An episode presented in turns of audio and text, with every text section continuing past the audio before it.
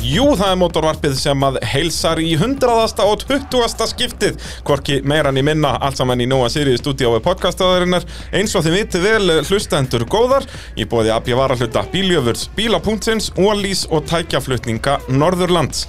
Og nú er veistlan að byrja, dömi minnar og herrar eh, Já, nokkri dagar í fyrstu keppni tímabilsins og er það Sindra torfæran á hellu, tvekja daga torfæru vestla, laugardag og sunnudag og uh, hinga komin í stúdíói til að, uh, já, hita þessu upp fyrir þessa fyrstu keppni sumasins er Jakob Sesil Hafsteinsson komdu sæll og blessaður. Góttu sætt og blessaður. Við náttúrulega verðum að halda þessu áfram eins og í fyrra, að við, við verðum hér í mótavarpinu að tala um torfæruna.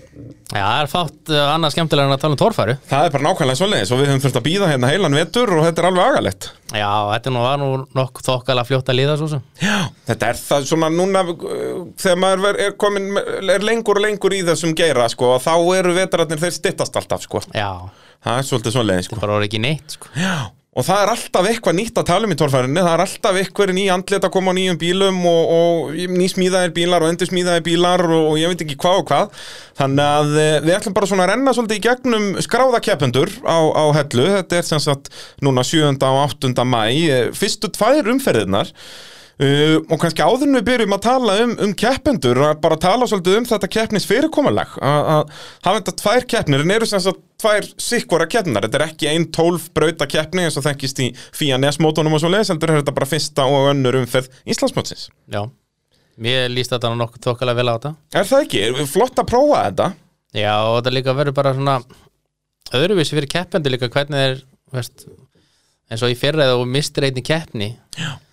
Þá náttúrulega, veist, varst það hans eftir, en ef þú mistir einni helgi núna, þá náttúrulega ennþá meira eftir. Já, alveg agalega Þú og, veist, þú og, getur verið 40 stigum eftir ef eitthvað vinnur báða dagana, sko, þannig að það er, þannig, að þannig séð meira undir, já, má segja, sko. en þó þú veist eins og þetta með að, að já, heyrðu, ef þú veltur eitthvað alvarlega fyrir þetta en þá bara getur þú mist af öðrum degi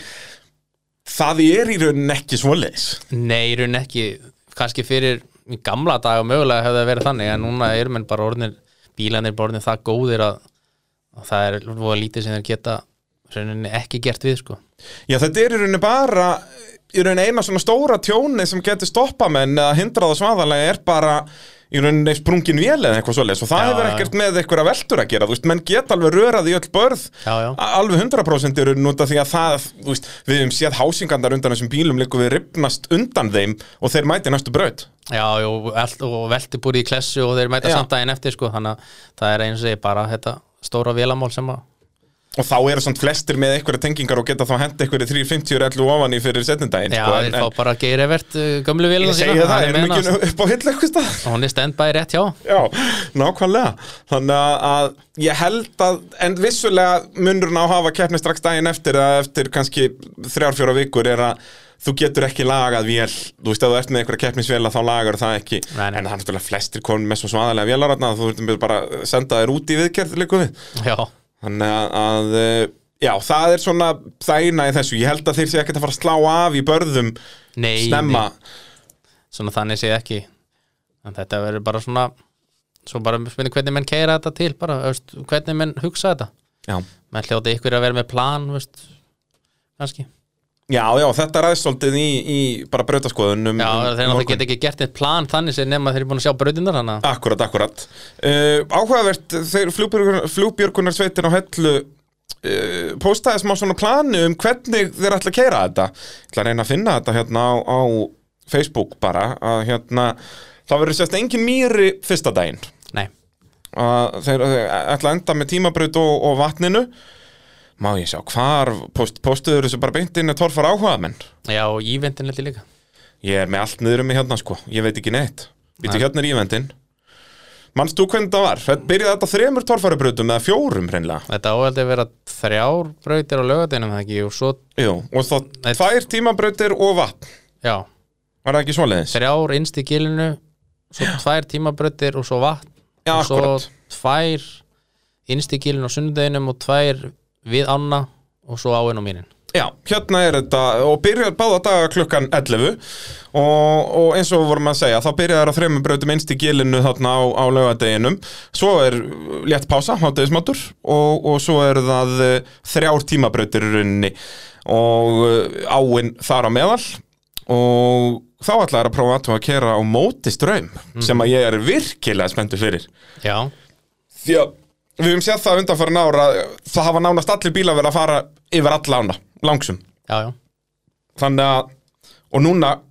aflið er alltaf að vera meira og meira í þessum bílum af hverju ekki að koma með meiri hindrun já, ég meina þú fær tækifæri að vera með tvær keppnir, akkur ekki, ég skil ég nákvæmlega, og núna er þetta ekki lengur svona, já, bratt niður ofan í ána þeir eru alltaf að móka því frá svo Já. að það kom ekki þetta stökk þegar kom upp úr ánni, sem sagt í, já. í rétt átt Þeir eru eitthvað að móka og laga þetta til núna held ég já, það ekki, við erum nú að fara að kíkja á þetta núna hérna bara þegar við erum búinir að taka þetta upp við erum að taka þetta upp hér setnum bara þriðu dags og uh, erum svo að fara að skella okkur út í grefjur eftir þetta, þannig að við fáum að, að skoða þetta eitthvað aðeins betur Já. og hérna, En þetta getur verið mjög svona áhugavert að ég man þeir prófuðu þetta 2003 já, og þá gekk þetta nú lítið Men, Já, það var svona einn og einn sem svona minnir að heima setja hann gamla en áður svona aðeins Já Og hérna, en þá En voru- það komst var engin alla leið yfir sko Nei, langsum en það var líka bara svona stutt sko, þetta var ekkert eitthvað svo, la- svakalega langt sko Ég Nei, vil fara- þá gátu þeir það ekki verið svona eitthvað að siksakka og síðan Já. var farið út hann til vinstri eða það ekki og þar Jú. var endanlið Já, Ég vona að þeir ætla að fara bara alla leið núna Ég held Já. þó ekki út að það er náttúrulega svo hættulegt með sérst, þá í endahliðinu þar sem er fyrsta hliðið eins og ég keri þetta núna sérst, langsum að þar er á sérst, hægra meginu þar, þar er áan ókislega djúp eins og allir Emil komst að hérna um árið já, já, já Eh, að Að- þannig ef að það er endahlið og fólk er að hætta að og fer örlítil til hægri að þá náttúrulega Já, já, ég held, drekja þær í bílnum ég held að væri bara sniðut rauninu bara að enda þetta samt líka bara sem sagt, það sem þeir byrja alltaf að fara Já, er yfir- það ekki? enda rauninu bara þar sko Fara aðeins ekki til alveg út í vinstri. enda já. Ég held það nefnilega það er alveg nógu langt sko Já, já, en þú veist, ég hugsa að margir bílar fara létt með þetta já, Það er bara, þú veist, ég er orðin mjög spenntur að sjá hvað nýja vilin hjá Hauki gerir já, Hvort að hann uh, fljúa þannig yfir, hann ætti nú að gera það með allir sem hefstöfl já Þannig að síðan er ég nú ekki alveg viss um, við tölum kannski betur um það þegar við förum að tala um ökumennina en við sáum til dæmis þá Helgat bræður vera að prófa þarna eh, út að höllu um daginn og, og Aron var nú bara svona rétt að komast yfir sko stuttapartin af ánni já, kannski var hann kannski ekki að var ekki allt ready þannig. Já, kannski ekkert gas eða eitthvað svo leiðis en síðan langt að maður spenntar að sjá eins og já, Geirivert og fleiri mm. Nýjan mótor þar líka Akkurat, uh, eigum við þá ekki bara að fara þess yfir já og sérst, jú, setni daginn er þetta tvær brautir innst í gilinu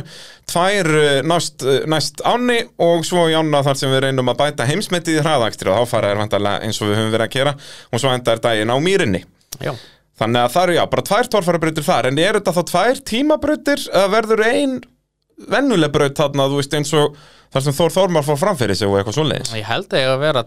tvær brautir það innstu gilin og tvær brautir Já, svoleiðis, og ekki tímabrautur Ég í held- sunnudeginu held ekki, þeir töluðum fjóra tímabrautir þannig að geti passað ef það er tvær tímabrautir á lögutinu eða þrjár með ánni Já, og svo áin og og svo sunnudegi áin. fjó- þá eru það fjórar sko já, Já, ætlaði að sé það ekki svoleiðis. Já. Ég er enda spenntur fyrir því að sjá Já. tvær þarna Já, í, í barðinu þarna sem Þór Þorma fór fram fyrir sig og við höfum nú séð uh, talsverð tilþreyf í gegnum árin þar Já, já. að sjá tvær breytið þar getur verið áhugavert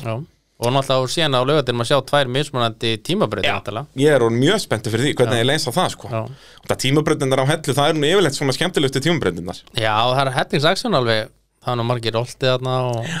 og, og prjónað og svona Já, já, með þessar uppeyjur í brekkunum og þetta dót, Já, já. sko, þetta er alltaf áhugavert og svo reyndar akurir hafa verið segar núna með pollin í endan og alltaf ykkur snúningur og svona langar og skemmtilegar Mhm. þannig að, að bara eintóm hamingja uh, rennum þá núna yfir keppendalistan uh, ég bara förum yfir þetta í röðinni sem þetta er skráð hérna inn á skráningakerfi ekki, það er ekki búið komin inn rásröðan eitt svo leiðis uh, en byrjum á göttubílunum því það eru nú stærstu fréttinnar því að e, það er- verður engin göttubílaflokkur nei, þimmiður það er bara, þeir voru bara tveir skráðir Steini Bjarna á strömbnum og, og Óskar á uh, Ulfinum og uh, þá það gildur þurfa- flokkurinn ekki nei, það þurfa að vera allan að þrýr til að flokkurinn gildi þannig að vanta allan einni viðbót Akkurat, og Úlfurinn ætla ekki að gera þetta eins og síðast að vera alltaf með tvo ökumenn bara eitthvað til að reyna að láta þetta gilda því að að gera það frá fyrstu keppni, þú veist, það meikar bara engan sens Nei og líka kannski á hellu þar sem þetta er svona, svona sem í stórt svæði að, veist, að koma tilbaka og sérstaklega áin á mýrin skilur að senda hann tvisvar eh, rauninni, þá fjóru sinni í ána sko. Já, og bara þetta, það nennir enginn að keppa við mann, skilur, Nei. það er náttúrulega líka að drefa kannski svolítið móðun úr manni, skiljanlega. já, já, Að Þetta er ekkert gaman þegar þú ert að reyna að búa til mótið sjálfur með að láta marga kera bílana þína, og sko. svo er svo erfitt kannski fyrir Óskar sem aðalökum hann að vera að keppa um titil við Steina þegar kannski allar annar á bílnum hans líka sko Akkurat, akkurat. meðan Steini getur alltaf bara veist, verið keira sinn akstururinni sko. Bara gert sitt þing, já, það það er svolítið svo leiðis, þannig að, að Já, engi göttubílaflokkur, þú komst með störtlega staðrind áðan að, uh, hvað, er þetta síðan 2014, þá hafa aldrei verið fleiri en fimm bílar í flóknum. já, Það er magnað. já og það er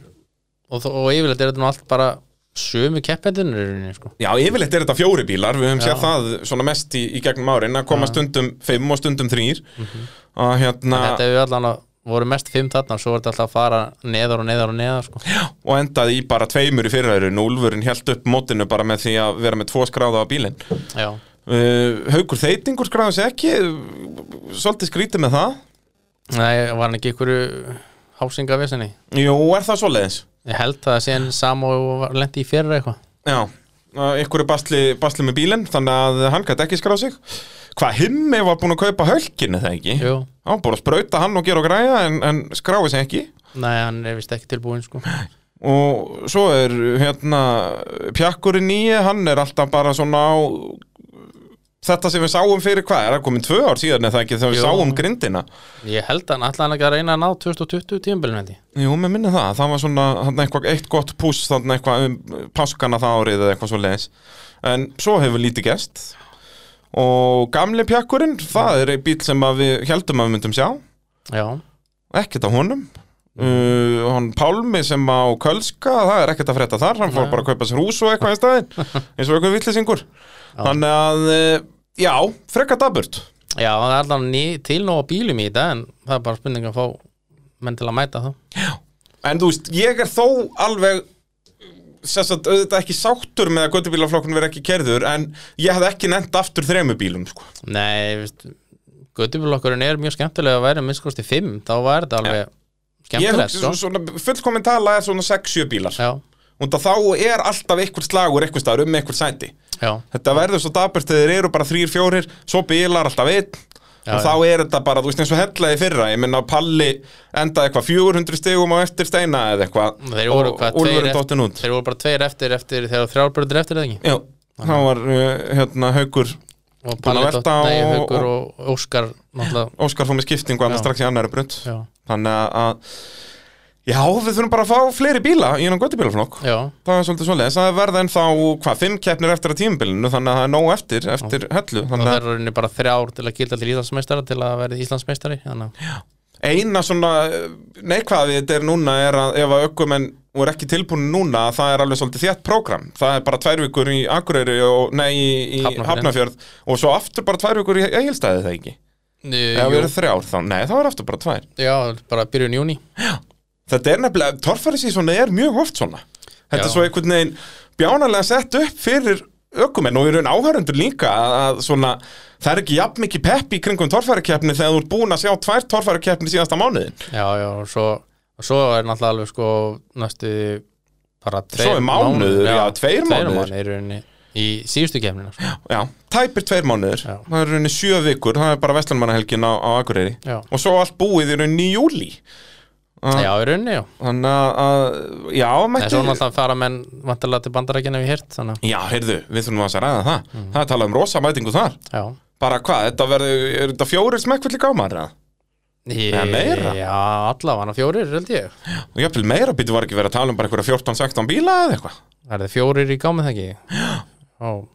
Fjórir sem fjórir er 16, það Já. geti passað sko já, að Ég er orðin virkilega peppaði fyrir því Allt og langt síðan maður fór til bandarækina já Það er alltaf síðasta keppni það var náttúrulega ekki, það er alveg langt síðan sko, það er fjögur á síðan Já, það var 2018 eða ekki Jú, Svo var bara svona sjó hann 19 já, þannig að- að já, maður er farin að heldur betur að sakna þess að komast í Suðuríkin já fara að praise the Lord og, og, og lesa biblíuna Fá sér moonshine og t- drekka moonshine og Bud Light þetta getur ekki klikkað e Þannig að já, engin göttubílaflokkur, byrjum þá að renna yfir keppendur. Fyrst voru listað með mér Fjölnir Guðmannsson, bílaklúpi Akureyrar. Hvað höldum við um fjölni þetta tímbili? Er hann ekki, hann var byrjar að stimpla sig inn bara rock solid í þetta svona fintasæti í fyrra Hann var byrjar að vera meira svona konsistant en hann var alltaf svona ein braut sem hann klúðraði Já, hann er svona einn af þessum svona spurningamerkjum sem að gæti alveg farið í topp þrýr í ykkurum keppnum Já, ég held það nefnilega, ég held að hann gæti fengið sem fyrsta byggar á þessu ári Mm. En hann verður ekki í slagnum Íslandsmeistaratitilin held ég Mm. Hann er ennþá aðeins og mistakur fyrir það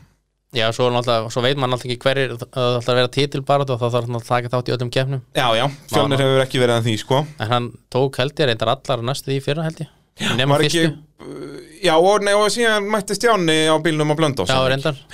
en, en bílinn mætti alltaf, Já, það já. er rétt sko þannig að en, En það var núna allt- mætir hann í fyrstu jút, hann tekur Jú, full season ég held maður. Þetta eru bara fjórar helgar já, svo náttúrulega er eigirstæður og, og akkur er náttúrulega hins heima á bær þannig að þetta er nú ekki Þannig ef hann rosalega mætir að ferðalög. hellu að þá, þá hlýtur hann að klára rest sko. Já. Spurning með hafnafjörðin, jú, jú, auðvitað Þannig að, að Já, ég spá honum þarna eh, að halda áfram þarna að vera 50-70 en svo í nokkrum keppnum geta hann verið að banka dinnar já, algjörlega sko og, og verið þarna þriði annar eitthvað svo leiðis en kannski ekki alveg í toppslagnum hann náttúrulega fekk fína reynslu á bílinni í fyrra þannig að hann mættalega tekur þessa reynslu bara með sér og fær meiri reynslu í sumar hana A- Nákvæmlega það, b- búin að læra á í raun alveg nýjan bíl, það er allt, allt öðru sér heifingar í þessum bíl heldur um gamla, náttúrulega aðanlega lægri þingdapunktur, Já. hann talaði mest um það, að þetta væri bara allt í einu gastu farið að keira þetta miklu miklu grimmar í öllum hliðarhalla og svona og það heldur betur hendar á hellu. já, og hafa stjórn á bílnum bara Já, nákvæmlega, Þannig að- hann talaði um að gamli bílinn var bara svolítið stjórnlaus, hann að, að já, fjölnir, ég ætla að spá honum svona 15-17 seti um helgina, eitthvað Já. svona leis, þú sammála því? já, á, á EFU 2.0 Svo er áhugavert nafn strax eh, næst á lista Þór Þormar Pálsson bílaklubbi Akureyrar mætir á uh, Raptor uh, bíl sem hann kaupir af Snorra Þór uh, bílinn sem hann vann á Akureyri í fyrra í höndunum hjá Alla Jamil, Jamil Áskilsinni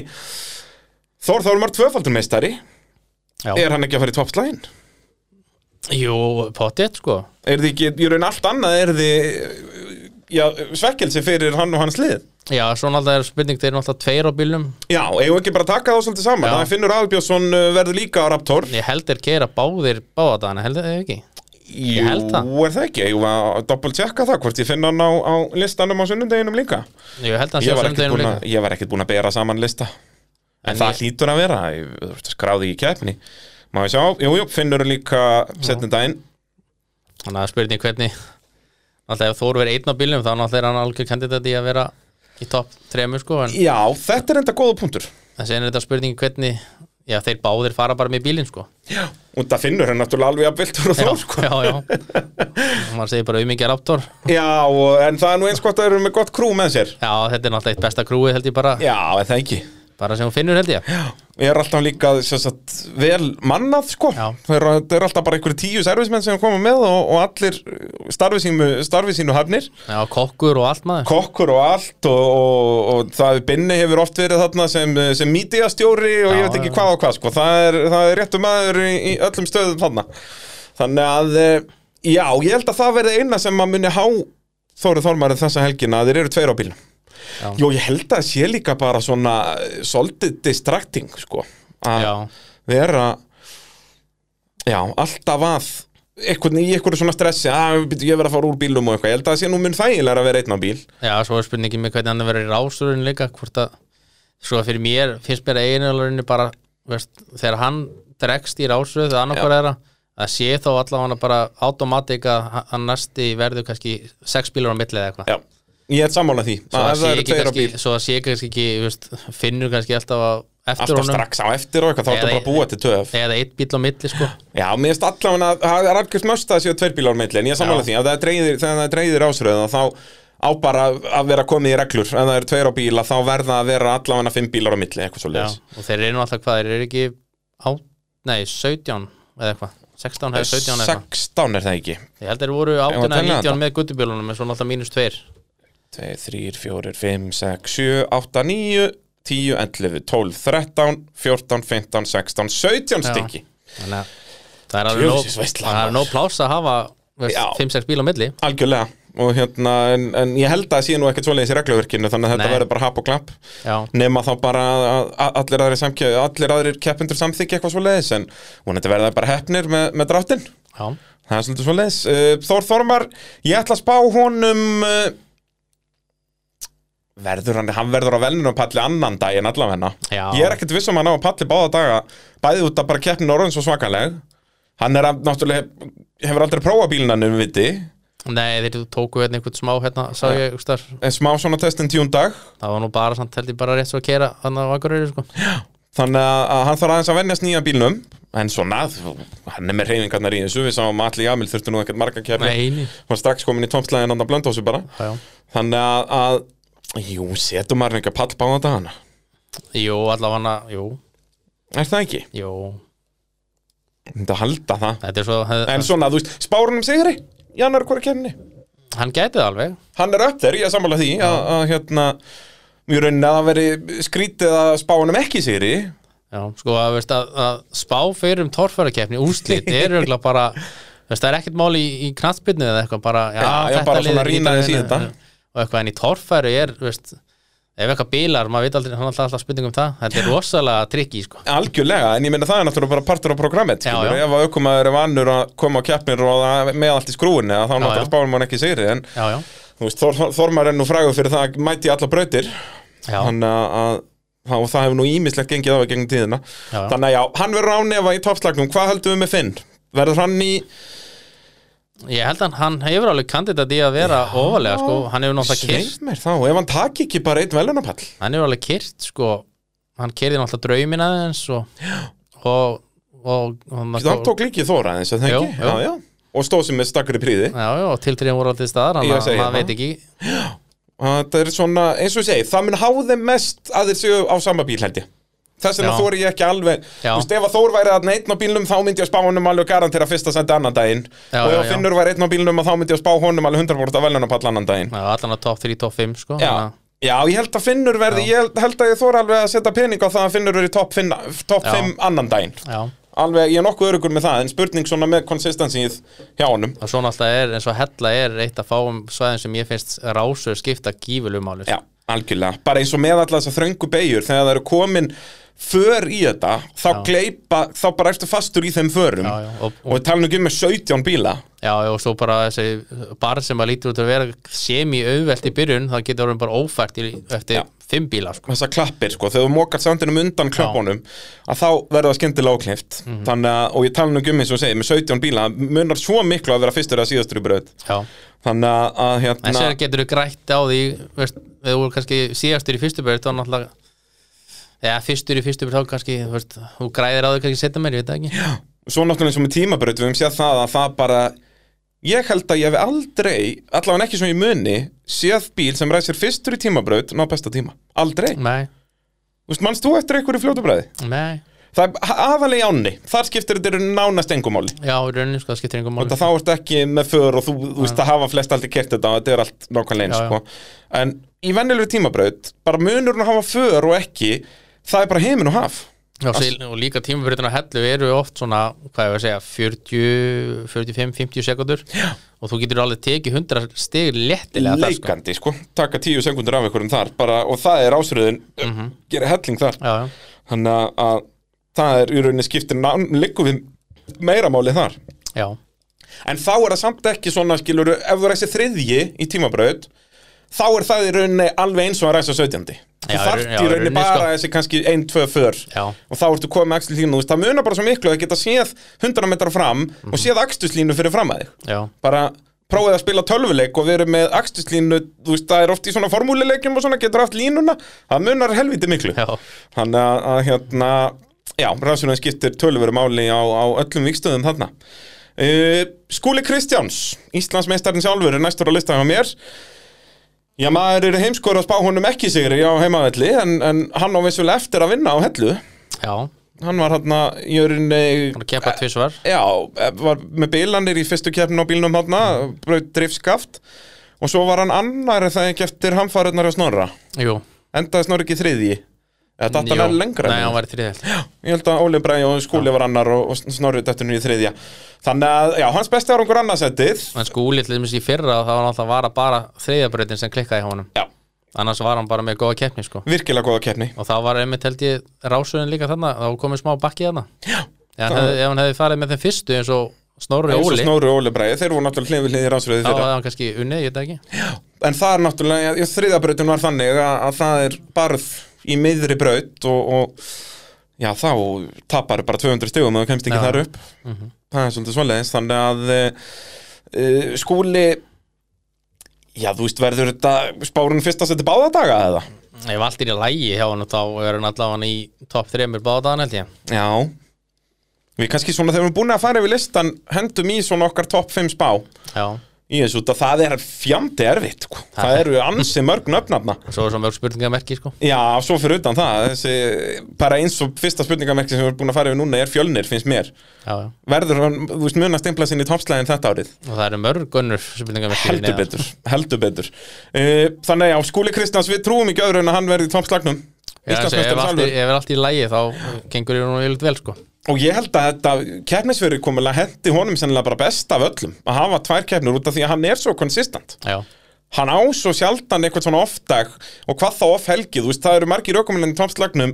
sem að ég geti trúa að þú veist, ef það gengur illa fyrir daginn, mun bara ganga verri setnum daginn ef eitthvað er, bara já, að það er eitthvað veginn þegar að hlutinir byrja að fara í skrúuna þá fer allt fjandans til, sko, en skúli er eitthvað en bara ekki þannig, nei, og það þarf ekki nema að setjast á kviðin í fyrstu byrju þá hjá ykkurum, þá Já. fer allt í fók sko. akkurat, akkurat skúli verðist bara svona geta haft uh, hausinn niðri og bara hjólað í þetta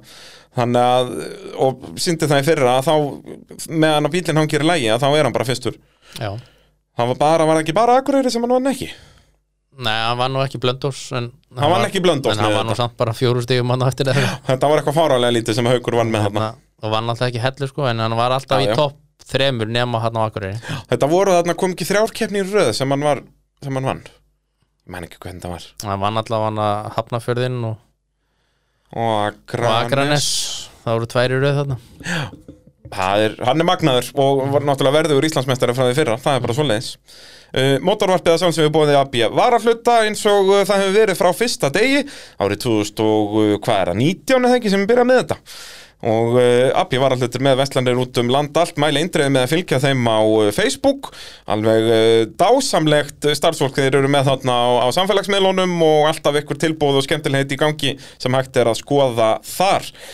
Nú, uh, næsta nafn, Þórður Alli Guðnýjarsson. Þetta er Já. eitthvað skemmtilegt hljóð sem við erum með hérna í, þú kannski slekkur á símanu þínu með eitthvað. Er þetta úr, úr símanum? Ég þekki þetta ekki. Byrjumst velveringar á þessu. Þórður Alli Guðnýjarsson á spaðanum. Það er líka eitt svona stórt spurningamerki þess ári. já, Hann náttúrulega kláraði síðast ár með stæl uh, þegar afturhásingin yfirgaf samkvæmið en hann náði þriðasettinu já, og hans fyrsti veluna fyrsti veluna já, akkurat, fyrsti byggar í lokakefni fyrir á Akureyri þannig að já, verður hann ekki í ég er svolítið með hann að svipu kaliber og fjölni þó að ég held að Þórður verið á undan fjölna já, hann var farin að svona stilla sig hann var náttúrulega mjög viltur til að byrja með hann en alltaf var 150% þegar komið nýr í komin nýri svona 110 kannski já. En ég, það, ég segi það alltaf að mér finnst það vera betri leiðin til Já. að taka þetta, að þurfa að tóna sér niður vissulega getur að vera svona aðeins dýrara og, Já, já. og svona, en, en með að hvernig bílarnir eru í dag þá ert ekki að tapa fullt af brautum, þú veist ef þú hafði keift svona árið 96, þá hafðu bara náð fyrstu tveimur brautunum og svo bara allt í steik, sko. já, algjörlega sko en núna eru bara styrkur nýjus og það mikill og allir varahluti til staðar og svona að, að þú getur alveg keift mjög, mjög viltur já, ég held að hann verði bara hann mun pottið ná veluna pall í sumar Já, ég held það alveg oftar en einu sinni þannig að eh, svo er bara spurningin með stöðulegan bara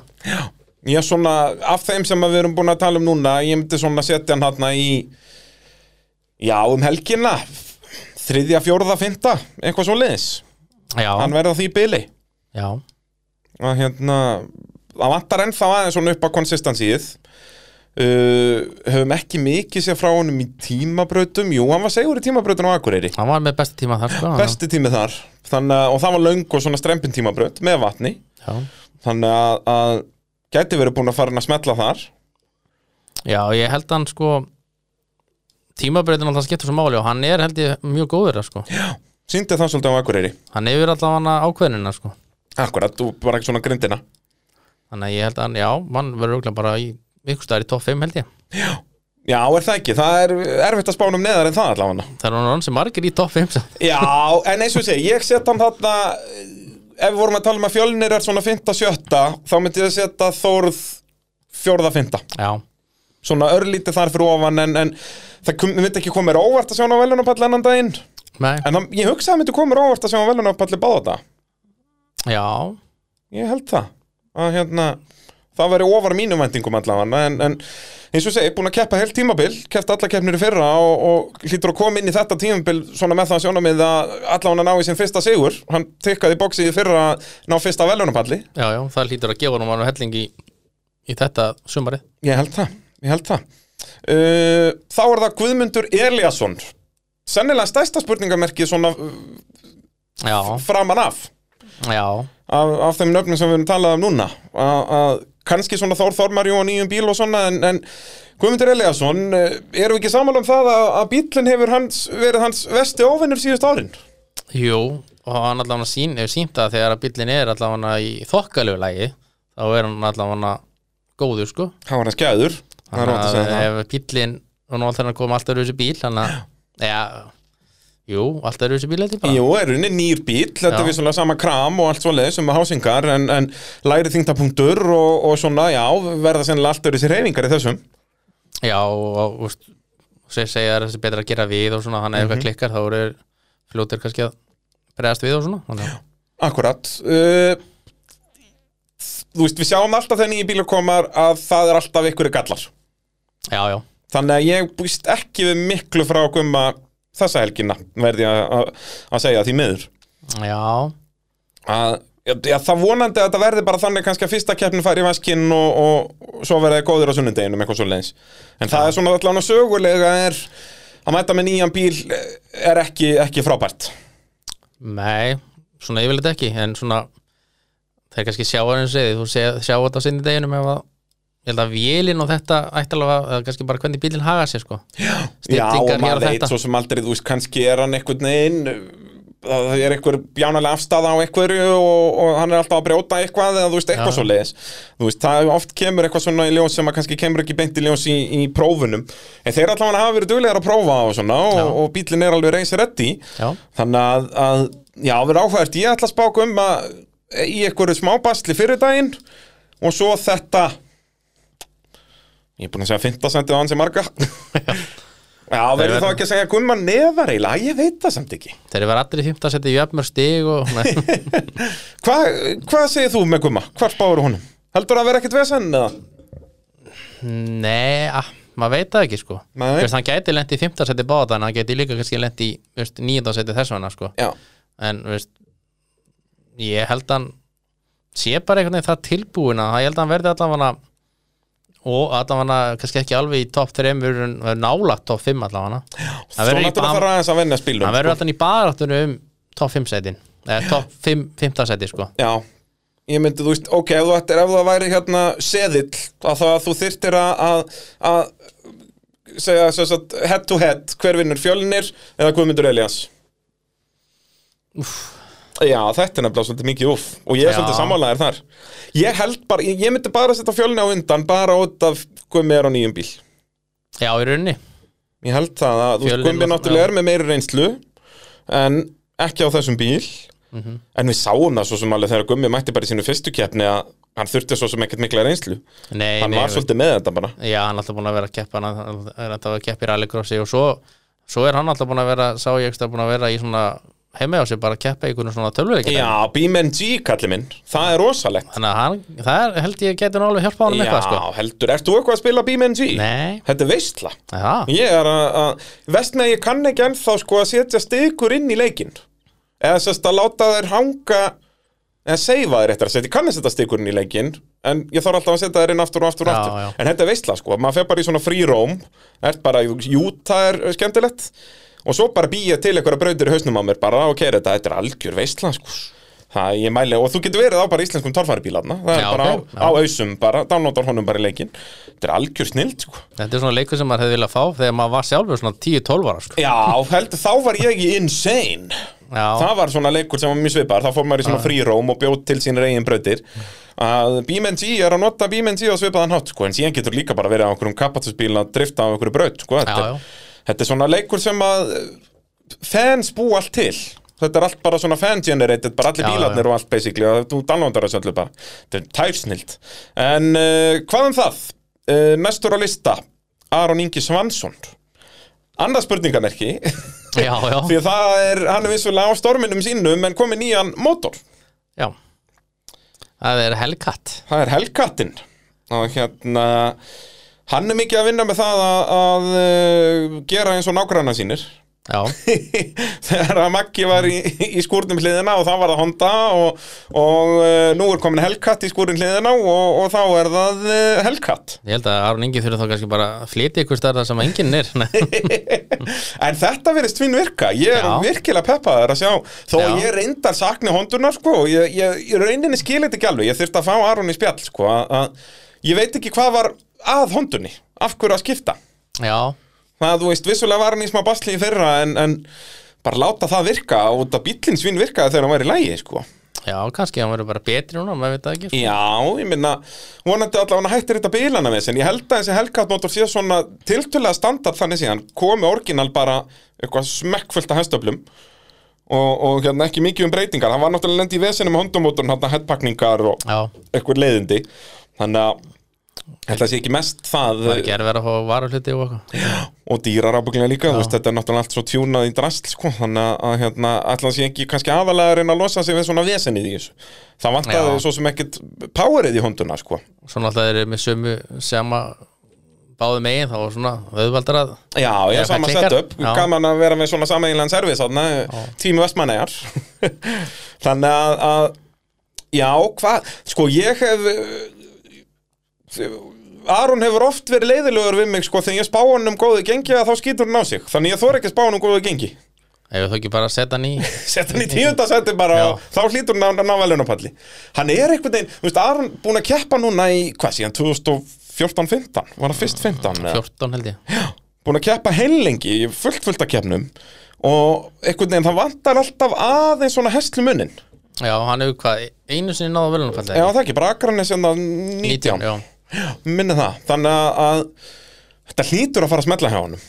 já eins og hann er svona einn af þeir sem að myndi ekkert koma óvart það myndi vera eitthvað starf á top 3 í sumar allavega hann ykkur keppnum já, að ná að næla sér í annað velunapall Mhm. það ég er svolítið sammála því á hellu held ég að hann verði, þú veist eins og ég segi ég er bara að horfa að deina vídeo sem ég sá þarna þegar hann var að ströggla yfir ána Já, já. sko ekki langsum þannig að ég hef ekki miklu trú á honum í, í, í ánni og mýrinni en, en það við sáum svo sem það var nóg aflýðis og þeir voru líka að fljúa börðin þarna þannig að það var svo sem ekki vandamál og kannski verður þetta bara eitthvað stillingaratrið já, þannig að ég ætla að spá honum svona sjöunda það er svona bara svo erfitt að spá fyrir um spurningamerkin Já. fyrir fyrstu keppni það sko. er helvítið strempið en þú veist, ég spái gumma og fjölni fyrir ofan hann sko í, Já. Mm. þe í þeim slag ertu, Já. hvað hva finnst þér? já, ég er svona þokkalega sammála sko Þú veist, það myndi koma mér á óvart ef hann nær velunarpalli í, í fyrstu helgina með þannar mótor til dæmis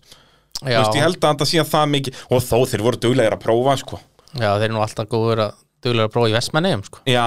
já, fóra þarna út á hellusvæði líka svona til að tjekka á þessu og, Já, já. og hérna og séðan alltaf eins og í, hvað var ekki hitti fyrir sem var búin að prófa svo mikið og allir bara Já, það var einmitt þá sem ég spáði hann Já, bara, já. heyrðu, nú verður hann bara velunarpallin bara í öllum keppnum og svo bara var allt í skrúinni því miður, sko. já, Þannig að- að, já, ég ætla að fara hóflega í, í mína spá á, á Arunni og svona, það myndi ekki koma mér á óvart ef hann nær kannski fjórða fymta sæti, en já, ég myndi vera pínu hins ef hann nær velunarpallin núna strax fyrstu helgina. já, og svo Og náttúrulega hella hefur náttúrulega heldur ekkit verið hann staður í gegnum tíðina, sko. Nei, og svo náttúrulega eins og lögadeginum er náttúrulega spurningamerkin með eins og tímabrautina tvær Sumir eru mjög góður í tímabrautum, sumir að ekki Já, og þetta eru náttúrulega tvær tímabrautir þannig að já munar um það. þú getur tapa fullt að stigum sko. Það eru margir sem hafa sagt að já, ég er ekkert eitthvað rúsalegur í tímabrautin, þarf að laga mig þar sko. Mhm. -hmm. Þannig að þetta er náttúrulega getur skipt máli upp á þú veist, topp 5 Algjörlega, þú veist að tapa 200 stigum í tímabröðunum, Já, og það, þetta er fljótt að gerast. það er náttúrulega allt öðruvið sem bara keira venjulega braut Já Og En síðan- sérstaklega núna, þú veist, eins og Geiravert sem er búin að vera hvað bestur í tímabrautunum komið núna með fullta afli líka ef hann jæri einhverjum rosalegum tíma þá eru bara allir að fara að tapa 150 stegum sko. Já, já þú veist, þetta er fljótt að gerast með langar tímabrautir Já, og svo setjindagurinn eins og var, þá var henni bara áinn sem tímabreyt Já. þannig að þá er kannski setjindagurinn henta kannski betur öðrum Já, akkurat, akkurat Aron, hvað hann hefur nú yfirleitt ekkert verið neitt spes í tímabrautunum og þó á storminum var hann fín Já, hann, er allan, hann hefur ákveðina sko, Já. hann er alltaf búin að velta nú í í fyrra Alveg rétti maður þetta því, hann var gullfættur til þrjú Var það ekki í fyrra? Nei, hann það var í hitt í hitti fyrir, hann var í hitti fyrir Já, þarna 19, hann var alltaf ekki 20 þarna Já, alveg rétt, Það já fór hann hérna á, Hann fór hann gullfallega á hliðina þarna á næstu því að næstum því þannig að, eh, já, ég er bara spenntur að sjá hvað Aron gerir Já. með, með helkatin sko. uh, svo er það pappans Svanur Ör Tómasson á Insane uh, hvað, sko, ef að ef hann ætlaði að fara að lenda á veljónapalli var hann ekki búinn að því hans Svanur Jú, ég hann held er búinn að að vera það lengi á þessum bíl en vissulega alltaf að betrumbætan Já, hann alltaf held að sé komin í miklu betra stand núna heldur en hann var í fyrra allavega þetta var náttúrulega agalegt í fyrra þetta var þetta ekki aðalega eitthvað bensínvinsin á þeim Jú, Og alls konar allavega eitthvað bara- allavega í fyrra sko En jú, Svan er búin að segja að það sé allt komið í stand og ég er bara aðalega spenntur að sjá Svan keira. Já. Við sáum hann ekkert keira í fyrra. Nei, og maður hefur svona lítið séðan einhvern veginn undanfarið Já, út af hann er... Tvö og þrjú árum sko Já, nákvæmlega, hefur bæði keft lítið og þegar hann mætir að þá er bílinn bara með eintóm vesen þannig að, að ég svo segi, bara spenntur að sjá Svan keira því að það vantar ekki tilþrifin hjá okkar manni, sko. Nei, ég meina ef er bílinn í lægi og þá, þá, er, þá er hann alveg þá er tilþrýðin alltaf til staða sko. Algjörlega, algjörlega og alltaf svona, hann er alltaf ólsegur í nokkrum brautum, Já, já. hann vantar bara að ná að setja þetta saman í heila keppni, sko. Já, Þannig að, að hver veit hvað hann gerir núna en, en bara veit ekki. einskott að þetta hangi í lagi því að ég er mjög peppar þess að svann loksins fara stökkvæðins og dandalast og velta og vesenast sko. hann hefur gert það aldeilis Já, heldur betur okkar maður að vettfangi það er bara nákvæmlega svo leiðis Nú, motorvarpi í bóði bíljöfurs í Kópavaginum, ef þið eru ykkur vandræði með eh, bílinn, þá skulum við skella ykkur í bíljöfur og eh, endilega segja sko þegar þið mætið að, að þið voruð að hlusta á motorvarpið og, og þessin eru þið í bíljöfur og þá verða allir mjög sáttir sko. það er bara nákvæmlega svo leiðis, þetta er á smiðuvegi 34 gula gatan á smiðuveginum og er þetta bara eitt besta vestæði landsins, það er ekkert flóknar en það sér aðeins í Jeep, Dodge og Chrysler en gera það sjálfsögðu við allar eh, tegundir bíla Þá er það næsta nafn Jón Reynir Andrésson á Thunderbolt er það ekki rétt hjá mér Jú, Já, nýrökumar á Thunderbolt og þetta líst mér á algjörlega sko. Fá vissulega skellur að missa Jóhann því að hann var alveg kominn með þetta svolítið sko Já, og búin að hann- ná þannig hvað tveimur árum með það ekki Jú, og, hann og áður reyndar aldrei á pall en hann var samt svona, hann var sáari framfærarna sko. algjörlega, algjörlega þannig að- að svona vissulega skellur að missa hann núna út því að hann var svona aðeins kominn upp á lag með þetta en frábært að sé nýja nökumann Já, algjörlega, þá sann, kannski, kannski kaupi Jóhann sér bara annan Já, það er eina viti og líka þetta lið hjá þeim er svo dásamlegt sko að það er, þeir þyrft að vera með tvo bíla sko Já. þeir eru, hvað, þeir eru með tvo bíla í rallycrossinu Já, já, þannig að af hverju ekki tvo torfæribíla líka maður? þannig að alltaf þegar ykkur fær sér að prófa svona bíl þá, þá yfirleitt endar þessi, þessi manneskja með bíl setna með sko. Já, það er svolítið svo leiðis, það er erfitt að losa sig við bakteríuna þegar hún er komin en eins og Elias Guðmundsson, hann þurfti nú bara eina lilla keppni þá var hann bara búin að kaupa sér nýja bíl Jep, það er bara akkurat svo leiðis Fekk að prófa hann að drauminn uh, Já. á Akureyri og, og var mættu strax á hellu árið eftir Já, Þannig að, eh, já, og vonum að sjá Jóhann eitthvað eitthva tíman setna á, á öðrum bíl ef að Jón Reynir- Jón Reynir ætlar að halda þöndurboltinum uh, Hella er náttúrulega ekki góð keppni fyrir nýlega nei Það þetta er svona, Þetta er rosalega trikk í svæði sko. já og eins og þessar tímabrautir nýlegar eru alltaf frægir fyrir það að vera hægir í tímabrautum Það Já, sko. er já, ekkert löpið að því að kera þess að græðu hratt Nei, og svo kannski, svo er oft ef ég hýrt að þú heldur að þetta kera mjög hratt en séðan næsta geta að kera hratt ekkert að gerast sko, það er bara nákvæmlega svo leiðis Þannig að Við höfum þetta nú báður prófað að kera torfarabíl og ég get ekki ímyndað mér að kera þetta 100 km hraða sko. Já, já, þetta, er, Þetta er rosalegt sko þetta gerist alls svo hratt sko. Já, og bara, þetta er svo brútal sko Allt öll drif, harðlæst og, og allt power í heiminum sko En hérna, þannig að já, ég spái nú Jóni reyna ekki um ofalega þessa helgina En ég er spenntur að sjá hvað hann gerir sko. Svona Já. hvernig típa af ökum hann er sko Hvort hann sé, þú veist, hvað skil hann segja að fara að máta eða hvort hann segja að fara bara að Já. taka bara tilþrifin á þetta Sko, svona karakterinn segir mér að hann verði yfirvegaður og rólegur bara út að hann er þannig karakter en það hefur líka sínt sig í torfærin að það er það er ekkert sama sem er ekki þarna á milli sko. Nei, nei, annars væri skúli bara hann myndi fá 30 stíð í hverju braut ef, að- ef að akstusmáti hans væri eins og karakterinn hans. þegar þið setja hjálminn á, á höfði þá Það verður breytist þetta- tímislegt það verða bara býst sko. þannig að- að ég raunni já, aðalega spenntur að sjá bara hvernig Jón reynir stendur sig á Thunderbolt Thunderbolt er náttúrulega bara mjög góða bíl Já. þeir eru búin að vera að breyta honum aðeins svona milli ára, að láta hann fjadra betur og, og svona, þannig að hann er alveg með bílinn til að vera á velunapalli en, Já. en já, hann mun þurfa nokkra keppnir hvað skildi vera besta keppnin fyrir nýliða, myndu þú halda? svona til að byrja á Já, ef að þú ættir bara að velja þér keppni til að byrja þinn torfæri fyrir lá Hvað myndur velja? sko svona eh, upp á akstulega séð þá held ég að væri kannski svona hafna fyrir þau kannski eða alltaf, sko eigistæðir er alltaf svo mikið á stórum börðum akkur eru svona langar brekkur og börð þannig að þetta er svona já, svona hafna fyrir þau líklega eða væri til að fá góða reynstu til að byrja með Mhm. þá væri það heldur góð keppni til að byrja með sko Ég held að þessi samanlagar þar Og eins og þú veist, Jóhann síndi hann að 2020 að þá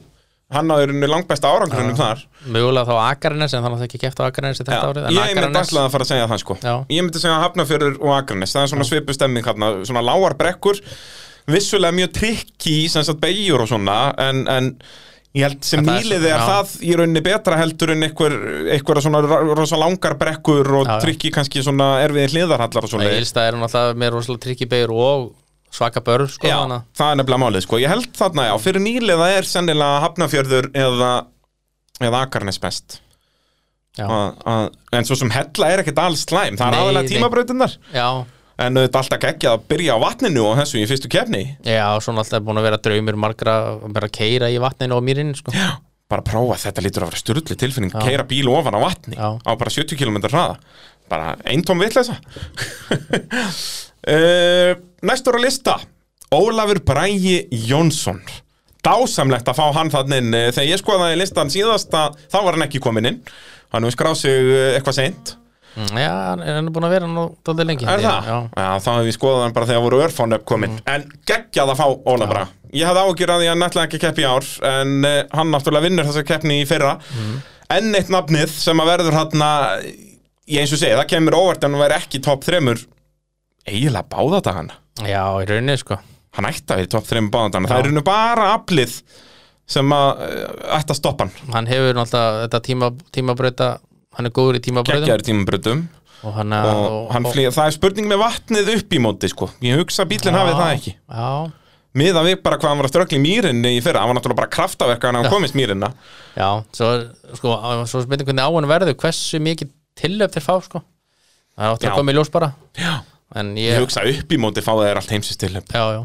en þ- ég þú veist, þannig að verður ekki topp þreymur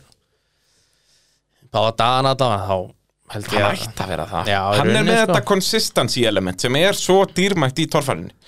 að vera jafn góður í öllum brautum það er mjög sjaldan einhver svona búkibraut hjá, hjá Óla bara já, og hann svona, og bíllinn bara nýsmið, hann náði fínum tökum á honum hann á hellu í fyrra, þannig sé Já, algjörlega, og Þannig ég að raunir við- bara akureyri fyrir það, sko, sá Já, já. hann eh, meika eins og í tímabrautunum og þessu, þannig að,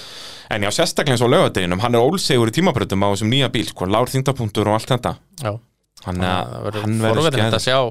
það verður reyndar bara forveitilegt að sjá þess að bara tvað tímabreytir einu sko. Já, ég er mjög peppar að sjá tvær, sem sagt, ég vona að þær verða alveg svolítið gjör ólíkar hjá þeim, sko bara upp á líka þú veist, tímana kannski þessi með góðan tími í þessari breyt en ekki þessari ef þau öfugt eða báða sko, þannig að Akkurat, akkurat þetta er spennandi sko. Heldur betur Og hérna, já, vonumst eftir Já, ég eins og ég segi, ég spáði Óla bara á velunarpall báða dag Jafnvel sigur a- annan daginn, sko já, Það er svona, svona... þetta verður mikil bara held ég hjá skúla og Óla bara allana það eru svona þeir Og eins og ég segi, síðan kemur Þorþormar inn í þetta Og, Já, og, já. og fleiri, fleiri nöpp sem við um eftir að fara fara yfir. Þannig að Óli bara, já, 100% í toppslagnum og í rauninni fáralegt að spáunum einhver öðru en það. ég held að hann ætla að taka full season held ég, Já, er það ekki? ég meina- vona það allana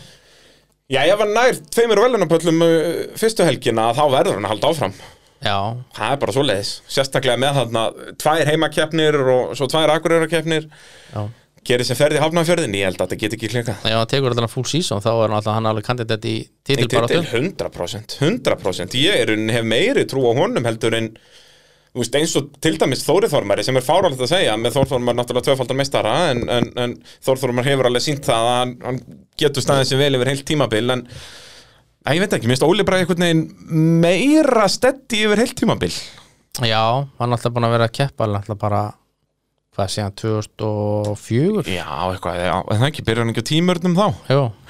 þannig að hann er Að Hann, hann vantar ekkit reynsluna og hann er komin ræga reynsla á þennan nýja bíl þannig að það er engin faktor finnst mér menni Þannig að hann væri alveg óskandi að fá Óla bara heilt sísón og sjá hvað hann getur gert því að við söknum hans mikið í fyrra eftir sigurinn á hellu já, var ekki bara síðasta heila sísunni þegar hann var að keppa við, hvað snorraði ekki? Jú, bara 16 eða ekki Jú, Þá, það var nú eftirminnileg hellukefni það árið já, þegar þeir voru bara að bítast og berjast ykkur einustu braut þú veist, bílið að millið er að fór aldrei yfir 50 stig held ég alla tvo dagana nei, nei, og svo, hvað þá voru tólbröðir eða ekki? Jú, jú, það var þetta tvekjanda, tólbrendir þannig að- að, já, Óli Bræði og hann er bara líka sk- uh, segur á hellu, kann á þessi börð og þetta dót og eins og ég segi, góður í tímabrautunum þannig að- að eina svona, já strikki reikningin hann er vélaraflið myndi ég að segja, í, í mýrinni og þá í ánni þegar hann kerði upp í móti annars er þetta nokkuð svo lit þú veist, mér minni mér eins og í fyrra að Nei, Snorri var nú með betri tíma í ánni en það munaði ekkert mikla en þó að Snorri var mikið hraðari yfir vatni sjálft sko, og Já, já. það Óli er svo segur í þessu að vera hraður allstaðar sko. Já, já, á svona grassbakka sem að skipti svo miklu máli, sko. Nákvæmlega, þar hafa menn nú verið að tapa bara 5 sekundum á að dóla eitthvað, Já. að vera að lína sér rétt upp fyrir vatnið og eitthvað þannig að þetta skiptir allt saman máli Næsta nafn eh, er heldur betur áhugaðvert Sævar Benonísson Það er eh, hinn helkatinn, ekki satt Jú, að, eh, inn vestmanni einhverjum. Hvað hétt eftir bílinn hefum? hérna? Móri, Eh, Móri, já. já akkurat, tím Móri á Facebook hvetjum alla til að uh, fylgjast þeim og, og, og, og bara öllum þessum uh, ökumunum sem við verðum að nefna hérna þeir eru allir á, á samfélagsmiðlum Instagram og hvað þetta heitir allt saman Mhm. uh, Ég er ógeðslega spenntur að sjá hann á bíl í aksjóni Já, hann er, hann er öðruvísi Heldur Þannig að- betur. Þannig að það er alltaf gaman að segja eitthvað kefum eitthvað svona öðruvísi Já Sjá hvernig það virkar Hann lítur út fyrir að vera mjög valdur finnst mér Já, Hann er út að hann er svo stuttur og hár sérst ekkert sérstaklega hár kannski þingdapunkturinn en, en sem sagt veltibúri svona frekar hátt og, og svona já, breiður og stuttur það er, og lukka léttur sko Ég, er að ég pæla- hugsa það, það er ekki mikið að nýjónum Ég er til að að pæla hafa aðeins í hlýðarhalla sko kannski. það er spurning hvort hann sé svolítið valdur þar þegar þeir fóru þarna með Aronni að prófa á hellu og lentu nú í í ýmsu vesenni voru að brjóta á bramla svolítið en, en já, til þess eru prófanir Hann tók tilþrif tók Það- til þrif, já velta hann honum mikið og alls konar allavega hann Ég- tók eitthvað stökk Hann allavega tók þetta nokkað stökk allan og þá braut hann og bramlaði eitthvað í lendingu þannig að, að vonandi náður að laga það og í rauninni að koma í veg fyrir að það gerist aftur að, að þetta er svona sem sagt, stutt driftsköft og allt þetta, það er meira álaga á þessu þannig að, að já, og nýr ökumæður þú veist, þarna aftur, ég spá honum nú ekki ofalega bæði nýr bíl og nýr ökumæður, þetta er ekki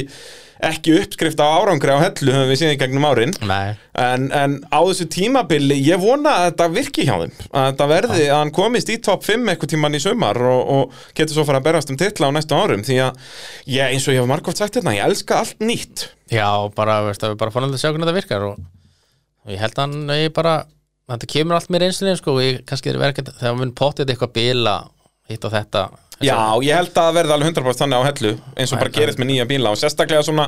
nýjar hugmyndir sko, bara þú eins og þeir voru að prófa sko, þá er náttúrulega bilaði í hitt og þetta sem þeir eru búin að laga og breyta sko, þannig að þetta náttúrulega kemur alltaf á endanum þegar er búið að svona fíntilla þetta Og þannig eru þau náttúrulega ekki, þú veist eins og þú talar um með Gumma Elíans að þú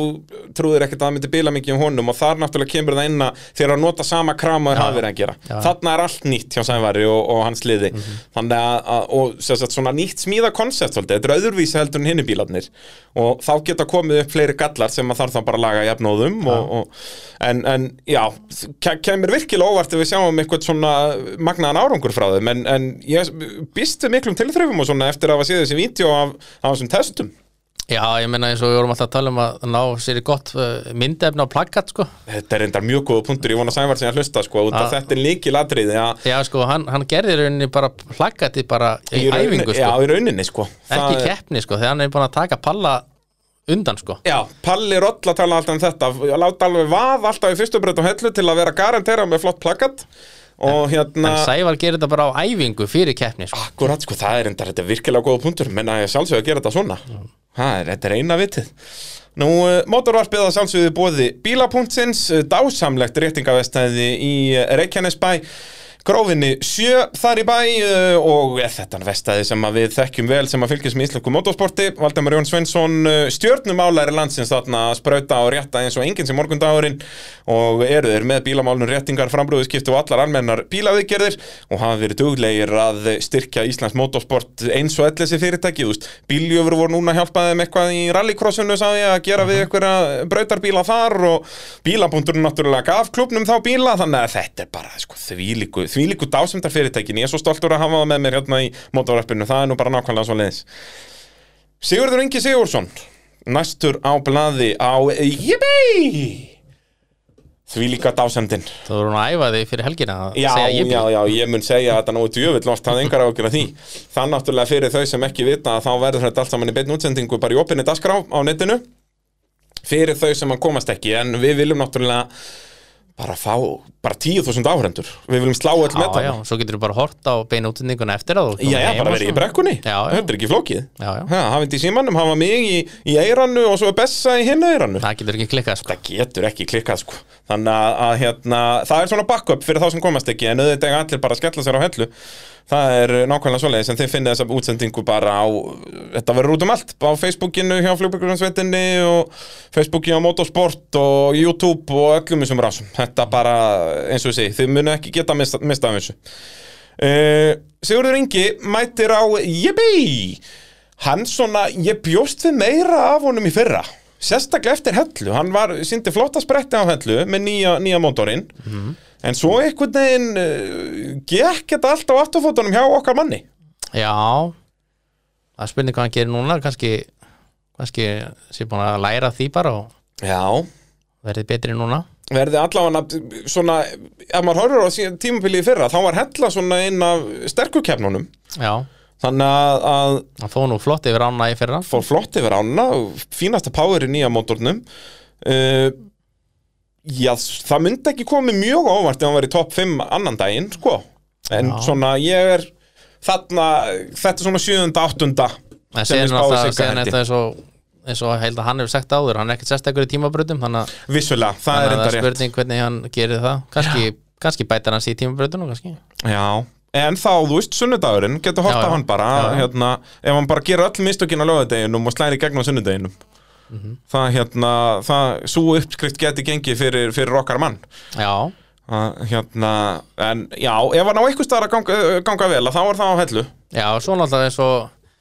eins og við náðum í fyrra, hann, hann kendi skúla allt í fyrra, þannig að vissulega, sko, þannig að kendi skóla spurning- allt sem hann kann spurning hvað gerist núna já. það er hérna hvort að, hvort að Siggi fari í toppslægin, þetta er allavega hans þriðja tímabil í torfarinni og hann ætlar náttúrulega að fara all-in bara í motorsportunni í ár, ætlar að taka full season í rallycrossinu líka Já, þannig að þetta verður dásamlegt að fylgjast með honum það er náttúrulega, þetta er bara frí komedi að þegar að Siggi er nálægt mikrofón eitthvað staðar þannig að við reynum að stinga mikrofón upp í hann eins og oft og mögulega þetta er já, það þarf eiginlega að vera bara með svona, bara svona leini nema á honum alls já, alltaf, allan daginn bara hann var sendamæk á honum bara og líki í brautunum það er bara mjög fint að heyra hvað hann segir í, þegar hann er að keira brautundar sko. Já, og líka bara í brautaskoðun já, nákvæmlega, þetta er eintóm hafingja það er það sem þetta er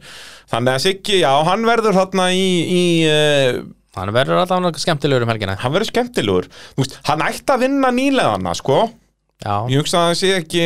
ég er ekki að setja hann sko, í eitthvað tíund eða neð, þú veist, reyndar þetta eru 17 bílar sko. já, já það, að vera í topp 7 er bara djöðlu góður árangur Það sko. verður náttúrulega ykkur að vera hann neðst niður í þannig að- Já, þetta er það mikið að nöfnum hann, Já, sko. já. Þú veist, ég set Þórðalla, Fjölni, Gumma Elías, ég set þá alla undan Sigga, sko. Já, Og svo náttúrulega þessar sem að ver- voru tölum að vera í toppslagnum, þannig að þetta er í rauninni, hann er að detta niður listan hjá mér, sko, 8. 9. jafnvel. já Hvar spáir þú Sigga? Er, þetta, er ég á réttum nótum þarna eða er ég bara að tala út af raskatunum? Ég held að setjindagur hans verið betri allavega. Ég held það. Og þá líka, ég held að Siggi er svona gæja, hann þarf að komast á ról, sko. Já, ég held hitta að sig aðeins tveggja upp. keppna fyrirkomulega hendi honum ágætlega, sko. Já, Að vera komin aðeins í, í, í stand svona fyrir daginn. já, svona líka Ég held að hendi setjindagur hann svona þá kemst hann í gang bara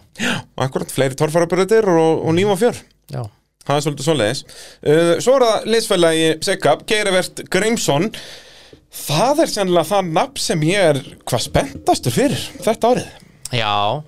Náttúrulega núna, maður sá bílinni í fyrra Hann var mjög góður í fyrra En náttúrulega vantaði stundum aflið Já, það er uh, Ég held að hann í ykkurum brautum sem maður hefði hugsað Ef hann hefði verið með þessa vél þá hefði hann farið hann upp sko. Og líka bara svona hvernig akstu stíllinn hann sem var já. Að Hann var alltaf að ekki að stóla á aflið í rauninni hann, gat, hann þurfti að vera svona aðeins taka öðru í sér línur út af hann vissi að hann hefði ekki aflið þurfti að fara hraðar þú veist, upp að brekkunum og allt þetta þannig að núna þegar hann getur verið svona aðeins róleri að, að þá held ég að þetta Mhm. verði bara algjör algjör negla hjá sleggjunni sko. að það gerir verðt sem þetta á einhver sleggjunni bíl sem að kom uh, með nýjan í fyrra og það er þessi sjálfstæða afturfjörun eh, sem að uh, er all the rates og svinn virkaði bara strax frá fyrstu kefni Já, og þú veist eins og sérstaklega á, á eigilstöðum fannst mér og ég, hvernig hann var að geta börðin þar sko og hliðarallan og allt þetta og dót blöndós líka blöndóst líka þannig að- að þessu uppskrift virkar alveg 100% Nú er þetta forðum að sjá hvernig hann er í ánni Já, við höfum ekki segjað það en þá maður eru bara síðan að hans að blöndósið þarna í vatninu þá reynda að keira það bara í öldunum eftir sig þarna Já, já, nákvæmlega, nákvæmlega Það er- en þar á hann bara meira app til að fljóta betur sko. Ég held með nýja mótornum að verða þetta nú ekki mikið vandamál sko. svona alltaf mýrin og- og það er hann með aflið líka já, já, og, og tímabröðin er náttúrulega við tölum það að gerivert er eitt svo besti í tímabröðum já, já. Hver myndur að segja að vera betri í tímabröðum af þessum tveim, Óla Braga eða Geir? Mm, veit það ekki það sem bara fyrir eftir bara kannski hvernig hún er lögð og hvernig hún er staðsett eða, veist, En bara svona típiska hellu tímabröðin mm, sennilega bara veit það ekki sko. Ég held að ég myndi senda minn pening á Geir sko já, En það er erfitt sko Ólið bara allir með svo Akureyri var með sturla flotta sko, til dæmis í fyrra nei, hitti fyrra, Já, alveg faranlega Það var bara tók lágan á þrjár sekúndur jörðinni, af sko. öllum, Já, já, bara og sérstaklega öllum þessum snúningum sko. já, já og hella er nú frægir fyrir það að hafa svona uppeyjur upp í brekkunum og eitthvað Já, já, en þess er að gera eftir náði þriðja besta tímanum í fyrra og hann var samt með og það kveiknaði í Já, kom í markina Blaze of Glory Það er það sem hann gerði Þannig að með nýja mótorinn, hann verður helvíti skeð Ég bara Hann náði náttúrulega sínum fyrsta og eina sigri á ferlinum á hellu þarna 2019 já, já. Erum við ekki að fara að spá honum sigra annan daginn? eða? hann myndi ekki komið óvart allavega Þetta eru svakaleg svakalegu slagur að nefnst sko. og við höfum ennþá nokkur nefn eftir sko. Já, já, þannig að- að þetta já ég, það, allavega það myndi komið virkilega óvart ef hann væri ekki að velunapalli bara sem sagt, já, hvoraðan dag já, já, og hann kemist ekki að velunapalli þessa helgina það væri stórt sjokk fyrir mig já, að, alveg að minnstakosti verður hann á palli annan daginn já. en svo náttúrulega eins og ég segja að vera Svo í er, bara, fjórð- svo- svo er bara svo margir já, að vera í fjórðasæti í torfærin í dag það er bara gott Já, er ef að unni, það eru bara þarna, þú veist Haukur Viðar, Þór Þormar uh, skúli, Óli bara í- Skúli, Óli Bræði, ef það eru bara þeir á undan þeirra þá ert þú bara að gera gott mót sko. Já, já, Þú veist, þetta er komið í svo mikla vitleysu sko. sem og, er bara ennþá skemmtilega Já, 100% og við spáðum þessu líka fyrir tímabili í fyrra og það rættist alveg í, í nánast öllum kefnum Þú já, veist, blönd og svo náttúrulega hápunturinn þegar Já. voru sjö að berjast um fyrsta sendið A- a- Þannig að vissulega hefur hella sínt það í gegnum árin að það er alltaf Við höfum mjög sjaldan séð fjóra að berjast um fyrsta sendið Það nánast gerist ekki út af því að sérstaklega torfarabrautirnar Það er skera svo mikið úr á milli manna sko. já, og svo er þá náttúrulega fyrir ásöðin líka að skipta máli og sérstaklega þarna með 17 bílar ásverðin skiptir svakalegu máli þarna ef þú ert fyrstur í eitthvað braut sem er slangt að vera fyrstur í þá ert þú bara búin að tapa 150-200 stigum já, og náttúrulega erfitt að vinna upp stig í tímabrautum þú veist, þú getur Já. unnið upp vissulega ef þú ert langkraðastur í úið og vinnur kannski á aðal samkefnina vinnur aldrei meira en bara kannski 20-30 stig já, já, 20, 30, já þú ert aldrei einhverjum mörgum mörgum sekundum hvað, þetta er 10 stig per sekunda eða það ekki? í, Jú, Já, þú ert aldrei fjórum, fimm sekundum og Nei. eftir sem sagt, þessi toppaukumenn sko. nei, nei, þannig að ef er þú tapar þessum 200 stegum í einhverju torfarabreytinni ertu komin mann í segir þetta á hellu er oft de- eða stíkurnar eru oft svona trikki þannig að menn sumi taka þær þannig að það getur náttúrulega verið 20-30 stíð þar algjörlega, algjörlega og þar kemur ásröðun líka inn já, að, hérna, þannig að þetta verður bara, bara eintóm hamingja, það er það sem þetta verður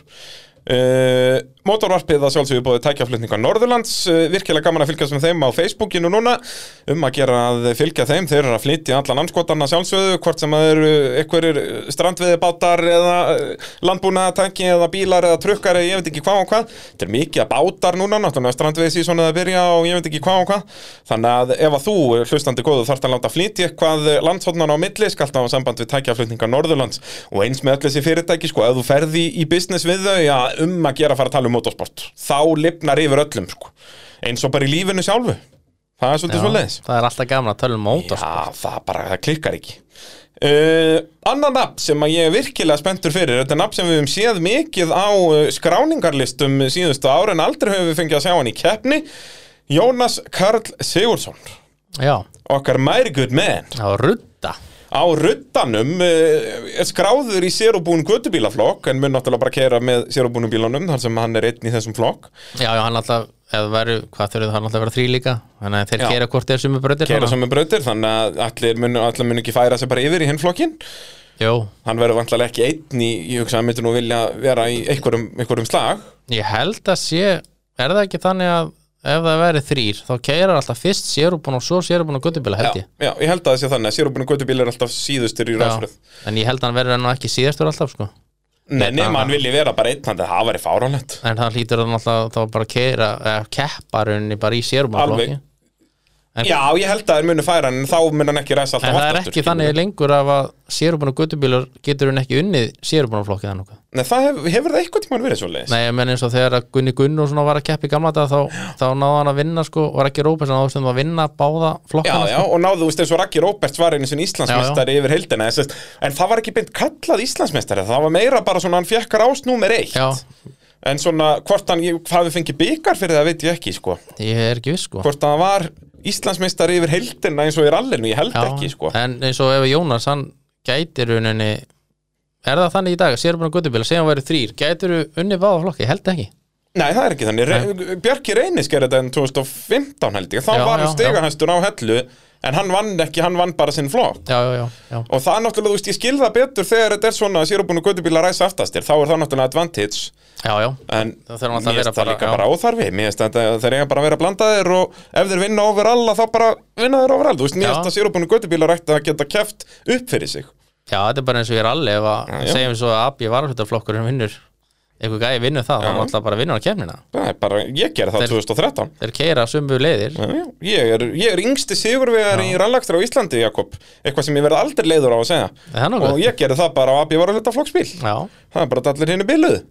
og það er auðvitað á það bara að vera þannig uh, í já, já, tólfjörðinni já, menn þeir keira sömu brautir og- það er ekki, þú græðir ekkert á að vera í motifatflokki nema þessi regla sem að þeir ættu þá að breyta að þú ræsir aftastur já, já. annars er þetta bara að þú ert á örlíti verri dekkjum þannig að, að, já, bara 100%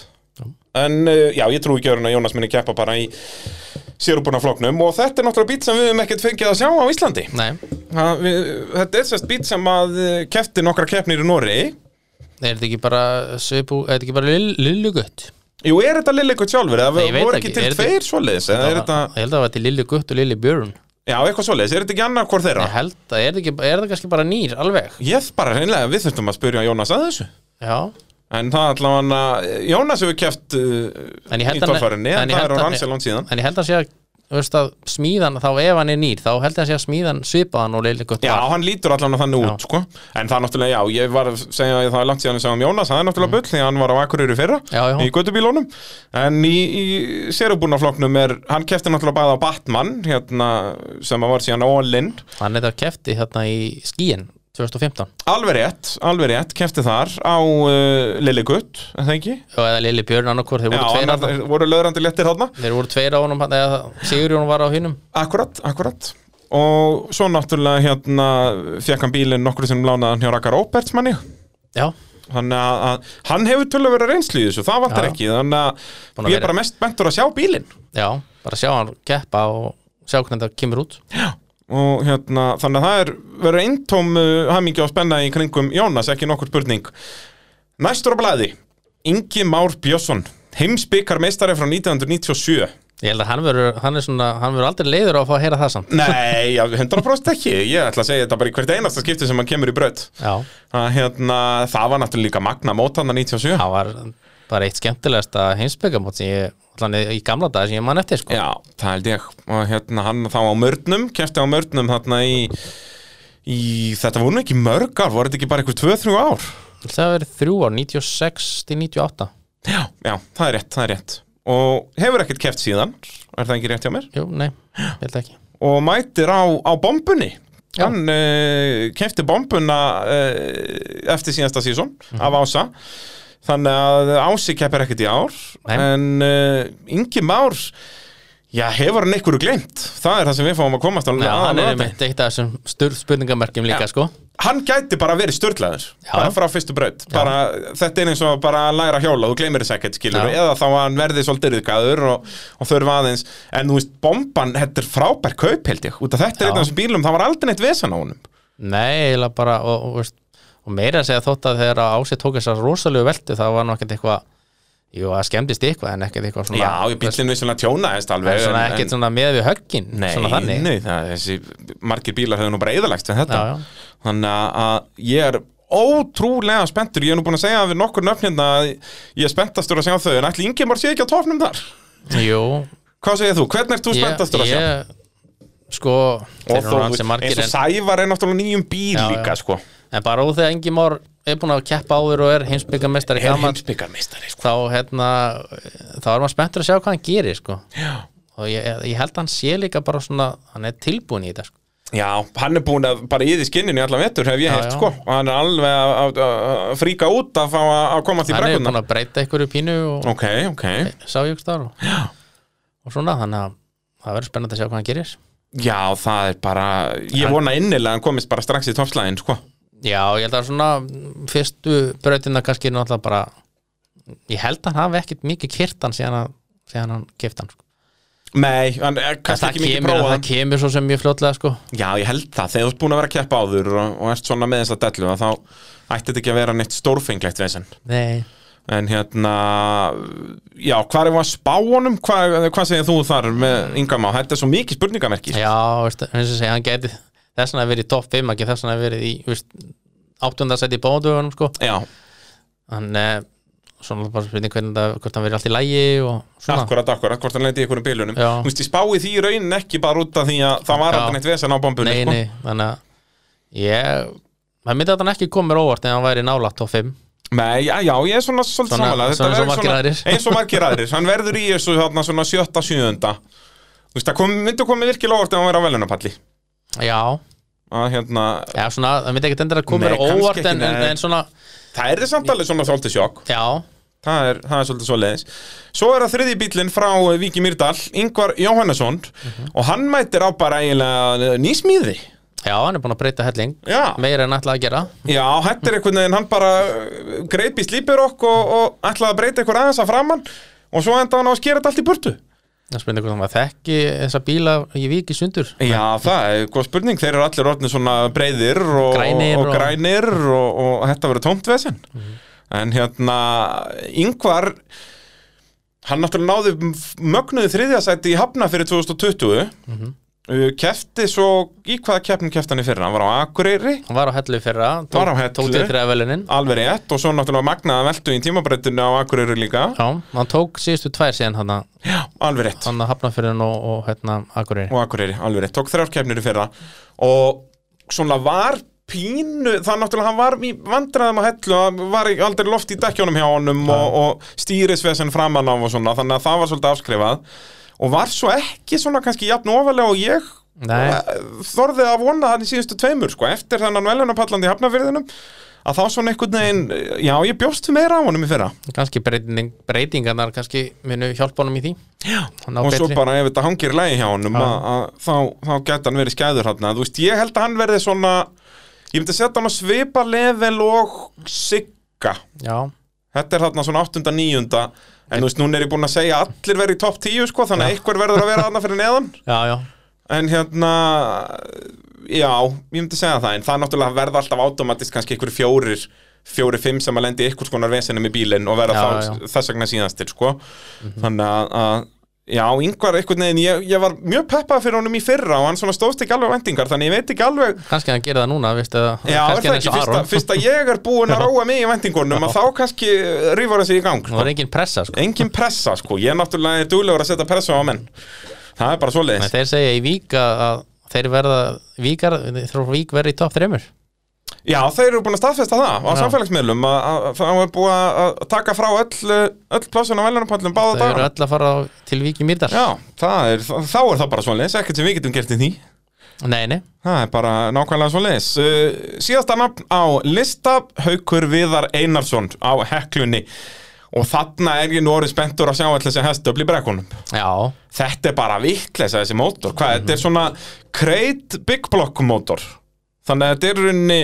er ekki orginal big block en smíðað eftir því já, já. og eru bara öll hestöflin já. hvað á þetta að vera í hestöflin, voru þetta ekki 1500 eða eitthvað? 1700 held ég. 1700 hestöfl og svo og eftir að setja nýtró eða ég- verður ekki sett nýtró, ég veit það ekki Þarf þess. Hann- Ég myndi halda að þess fyrir verki en þú veist, ef ykkur staðar að þar þá er það kannski að hella á vatninu en, já, já. en mikið óbásleiri spenntur að sjá hvað haugur gerir Mhm. með þetta apparat undir hútinu maður og hann er líka einn af þessum ökumunum sem er alltaf í toppslagnum það er alltaf bara hann verist aldrei geta náð Íslandsmeistara titlinum en vinnur reglulega keppnir og svona þannig að hann verður leikandi í toppslagnum Já, Það er hann, bara- hann var hvað í titilbátur 19 og 19 og 20 Já. og uh, svo náttúrulega missir hann af hellu í fyrra þannig að hann Já. var aldrei í titilslagnum nei, sko. nei, nei, hann vann samt keppni í fyrra Hann vann þannig að- keppni í fyrra, ólíkt mörgum öðrum Já, þannig að hérna hann er alltaf upp þér og, og núna mun alltaf hann ekki missa keppni og hann er eitthvað búinn að vera að prófa held ég og þó nei, var ekki mótorn að koma bara í bílinn nei, hann er ekki ennþá komin í bílinn eða hvað nei, held ekki nei Ég held hann sé ennþá bara aukstar á og þar yfir þetta held ég þannig að það er svona það sem mun há honum mest að hann hefur Já. ekki prófað bílinn með þessum mótor sko, en það var svo sem ekkert mikið að há honum þegar hann fekk mótorn hann í láni frá Ingo í fyrra að Nei, nei. hann vandist þessum tildulega fljótt sko. Já, já. og ég held líka að mótor sé svona sá hlutur sem að þú getur vanist tildulega fljótt Já, það er meira ef þú ert að breyta einhverju stóru í fjöðrun eða, eða svona uppsetningu, þú veist að færa hásingar til og frá og eitthvað hann hann allan að veita að aflið verður til staðar allan Ég segi það, þegar þú getur bara treyst í að þegar þú gefur allt í botna þá færðu allt heimsins afl og sennilega rúmlega það að þá held ég að það get ekki klikkað sko, þetta verður aðalega þannig að hann fljúi bara aðeins og langt sko, Já. en við kvartum ekki við því Nei, nei, þannig að, að já, því herra því betra eintómt pepp í Já. kringum, uh, kringum haug og, og þess að hennar nýja mótor og vonandi bara að þetta hangi í lagi hjá honum þetta á að gera það, þetta er smíðað af ykkur fagfólki og kostar Mhm. alla peninga í heiminum þannig að, að haugur já, hann verður í toppstaknum báða daga Já, er það það er ekki eins og ég segi, það kemur óvart ef hann verður ekki, ef hann myndi aldrei vera á velunapalli hann er einn af þeim nöfnum, Já, ég set já. hann í það kaliber sko, Já, já. að hérna já, velun, en þú veist eins En og við ég erum segi samt búin að tala um sko Haug, Skúla, Óla Braga og Geru veitt alla sem að Já. eiga verið velnapaldin, það er og allan einn Þór Þormar Já, Þór Þóma, þannig að það er samt alltaf einn þeirra sem- eða tveir þeirra sem tveir að- þeirra. Þetta eru fimm þarna og ég Já, já. stend alveg ennþá við það Þetta Já, eru já. fimm nöfn sem ég ger ráð fyrir að velja vennunarpalli allavega einu sinni Já. Þannig að það er mögulegt yfir tvo daga sko. Já, Mhm. já, já. En svona er slagur um norðin Að enda í fimmta sendi er bara fínn árangur í dag í torfarni Já, í rauninni sko Það er einu, eina, eina hengurinn á eins og í fyrra er að, að þú getur gast þá ekki unnið þetta á konsistansíin út að skúli vann alltaf Já, já, já En þú veist, núna ef þú, það getur verið þannig að þú ert bara í þriðasett í öllum keppnum og það er alltaf mismunandi fólk fyrir ofan þig Mhm. þá getur hann á titli Já, og svo náttúrulega kemur þetta tveggja daga format inn í þetta sem við vitum ekki hvernig, hvernig verður hvort að það sem sagt ve- verður meira unpredictability eh, svo að við slettum nú vel hérna já, já, þetta er svona við höfum sér það nú alveg í gegnum tíðina að það er yfirleitt talsfjörum unnur á ökumönnum á finnst á öðrum degi Já, þú veist, ég man ef- fræg hérna Akarneskeppnin þegar var tveggjadagakeppnin þar og þeir sem voru að berast um titilinn unnu kvorandaginn, þá voru Þórþormar og Atli að meðan berast um titilinn já, já, já og Ingo og Haukur Viðar vinna báða þess að stikk kvorandaginn Já, ég held að allega að vera í öðru sæti annan daginn eða eitthvað Já, er það ekki og Þór, ég En held síðan að, ég þeir, held að þeir Þór hafi unnu ekki bá, sinni- báðir skitu á sig annan daginn man Já, ég. ég held að setni daginn sko. Þannig að, Ég held að hvorur hafi verið í topp þreymur eða kannski allt í þriðja það, það eitthvað en það er, þetta ræðst svolítið á rásröðunum helgina, held Já, ég já, Sérstaklega á sunnudeginum þegar eru fleiri torfærabrautir Í tímabrautunum snýst þetta bara um að vera ekki fyrstur í rauninni já, bara ég segi bara ef þú ert þriðja eða setni þá ert í Það er góðlega allt málum í sko. toppmálum, það er bara svo Svo er einnig alveg spurning með mýrana líka þú veist, Mér finnst einhvern veginn alltaf þeir sem eru svona fyrstu fimm mesta mögulega að klára Já, er það ekki? Ég held að mýrin verði verri, sko. En svo er spurningin, núna er búið að vera ógstlega mikið rigning, hún er held í blöð núna Já. og voru megin þeirra, ég heldur keiran og vantanleysur hafa verið að keira hana núna sístu tvö skipti Já, er það svona ekki? öfugt í rauninni, Akkurat. sem er mjög erfitt miklu erfiðar heldur en þetta var hins Já, sko. algjörlega, en þannig viljum við hafa það. já, já, Það er bara þetta á að vera erfitt, því að þetta var orðu of auðvelt. eins og Já, þetta var. í rauninni, Þetta sko. var eiginlega alveg fullkomið í fyrra. Þeir voru þarna, voru þeir ekki bara einhverjir Þrír, þrýr, fjórir sem já. komist yfir? það har bara verið Úli Bræi og Skúli og Gummi Elias, Jú, var- kom síðan ekki, var ekki einhver einn annar, nei, ásinn, nei, já, þeir voru bara þeir því. já, Já, alveg rétt. Að, hérna, og þannig á mýrun að vera, finnst mér. Þetta, það á bara að vera nokkri sem komast yfir. já svona já, þrý, fjóri eða svona með þeir eru 17 þá meitir svona já, 5, 6 kannski Já, 5-6 væri fínt. Það er náttúrulega heldur ekkert skemmtilegt að, að þeir festist allir. Nei, En þetta verður að vera alveg hindrun þannig séðan bara eins og Biggi Braga sagði alltaf mýrin í getur þess, nei, borðar það sem hún vill Já, það er nákvæmlega sem hann uh, sagði árið 1997 ef Já. mann rétt Já, held að að hérna við erum með það á hreinu uh, við hvetjum alla til að mæta á hellu núna á lögandag og sunnudag keppnin byrjar 11 og á að vera búin bara svona fimmleintið um að gera eins og á sunnudaginn sko skella sér á torfæra keppni bruna í bæinn og horfa á Formule 1 kljóðan 7 Já, getur ekki klikkað, ég held að útsendingi á okkur byrja 7 og keppnin byrja halv 8 þetta er bara sniðið í þetta þetta er eitthvað besta plan sem ég veit um það er bara Eh, svo leiðis uh, Loksins þeir fara að hugsa að torfærakefni Já, hæru, við þurfum að hafa hana Við hérna erum að hafa hann í bandaríkjónum Já. Formule 1 sko, ef, ef, þetta á- ef það er torfæru keppnaðan á Íslandi sko, Já. þeir eru byrjar að hugsa um þetta sko. Kominn tími til. heyrðu, það er nú nýjasti dýllinn hjá mínu manni hérna, sem að er að dreifa þáttunum Erlendis að, að mér skilst að þetta verið sínt á sko, Fox Sports í, Já. í Kanada Sérst ekki í bandaríkjónum en Kanada en Mhm. það er samt helviti stór markaður Já, Þannig að torfaran alltaf að stækka sko og svo náttúrulega er eh, planið núna vonandi bara á næstu dögum að eh, lönsa alveg nýju motorsport.is sem vorum að nota fyrir streyminni fyrra nema þá verður þetta bara svona streymisveita og þá bara borgar og árgjald sem verður eitthvað, ég held við höfum nú eftir að negla verða þetta, eitthvað ábygglega svona 12.000 krónur eitthvað svoleiðis fyrir þá bara 365 daga og þarna er verða sérst báðar heimildamyndarnar sem ég gerði þarna, 15 og 16 allir gömli rúfþættirnir bara í síðustu sjö árin þannig að það eru komni sko margi margi klukkutímar að efnið þarna inn og svo náttúrulega